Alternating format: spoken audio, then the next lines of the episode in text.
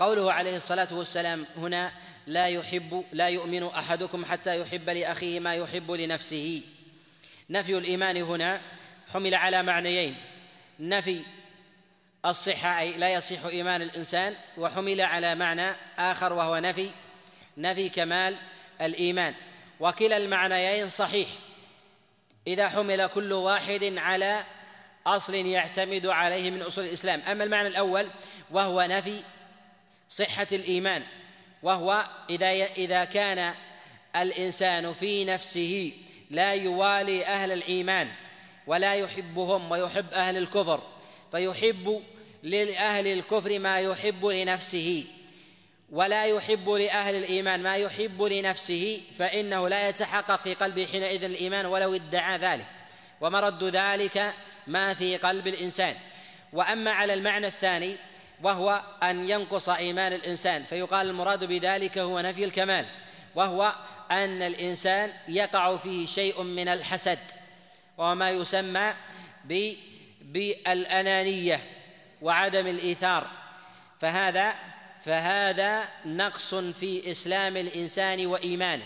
فإذا أحب إنسان أن يزول الخير من عند إنسان آخر فهذا ما أحب ما أحب للناس ما يحب لنفسه فكما أنه يحب لنفسه أن يتحقق لديه ذلك الخير ينبغي أن لا يحب زوال ذلك الخير من من لدن الناس فيحب بقاء الخير لديهم وأن يتحصل لديه مثلهم فإذا كان كذلك كان من أهل الإيمان. وإذا لم يكن كذلك فإنه حينئذ ينقص إيمانه. والنوع الأول يتصور في حق في حق جمهور المسلمين وعامتهم. والثاني يتصور في حق الأفراد. يتصور في حق الأفراد. فإذا أحب الإنسان أن تزول نعمة إنسان حتى ولو كان دينه ولكنه فرد لا يقال أن هذا ينتفي أصل الإيمان من قلبه. ولكن إذا كره الإيمان والإسلام لأهل الإسلام والخير لهم على سبيل العموم فإن هذا لا يمكن أن يوجد في قلبه في قلبه إيمان. ومن أعظم دوافع هذه الأمور الكامنة في نفس الإنسان من حب من حب المال أو حب السمعة أو ايثار بالعمل الصالح والتخصيص به وعدم الإيثار بالطاعات أن يكثر الإنسان من الدعاء للغير بالرفع وعلو المنزلة ولو وجد الإنسان في قلبه حسدا لغيره فكلما وجد الإنسان بغضا لأحد من الناس مما لا يستوجب سببا شرعيا فليكثر من الدعاء له بالمزيد وإن وجد في قلبه عدم رغبة في ذلك فإن ذلك الدعاء يجلي ما يستقر في قلب الإنسان من من عدم الحب من عدم حب الخير للناس ولا يزال الإنسان بأمر الدعاء وذكر الإنسان بالخير في قلبه وعند غيره حتى يزول ذلك من القلب. وهذا أمر وهذا أمر مجرب. وسواء وجد سبب شرعي لذلك أم لا فبعض الناس يسترسل بحب إزالة الخير من الناس لضرر ألحق به من قبلهم مع عدم وجود ما يوجب إلحاق مزيد الضرر فهذا من البغي من البغي فيه. ولو على سبيل التمني. فإن الإنسان في ذلك يستطيع أن أن يسوس أن يسوس نفسه في هذا في هذا الأمر. كذلك أيضا في مسألة العبادات عند التزاحم مما لا يتحقق فيه مما لا يتحقق فيه الاشتراك. فينبغي في ذلك أن يسابق الإنسان غيره. العبادات من جهة الاشتراك والمنازعة فيها لا تخلو من نوعين.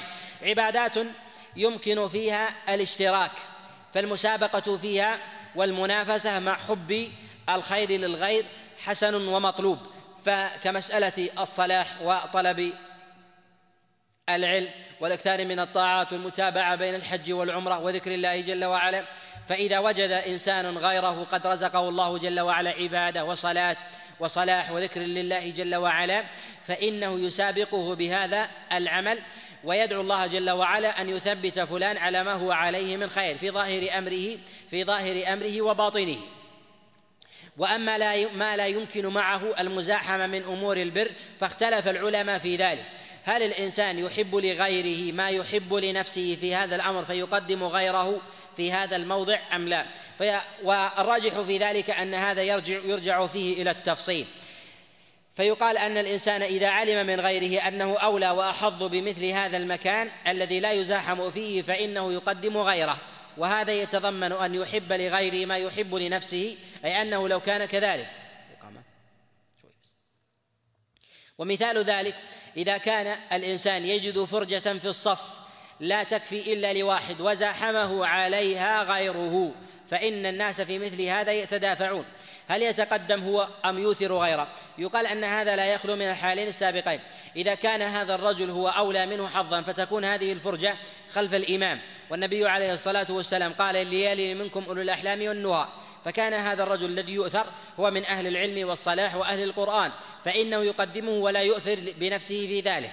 وأما إذا كان يستوي مع غيره فينبغي أن يتقدمه ولا يؤثر غيره إذا كان هو قد استوى مع ذلك الشخص في في الأهلية لمثل هذا لمثل هذا الموضع.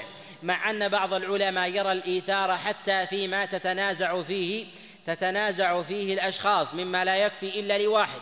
وقد مال بعض العلماء وهو قول ابن القيم عليه رحمة الله إلى أن باب الإيثار مقدم مطلقا ولو كان في أبواب المزاحمة.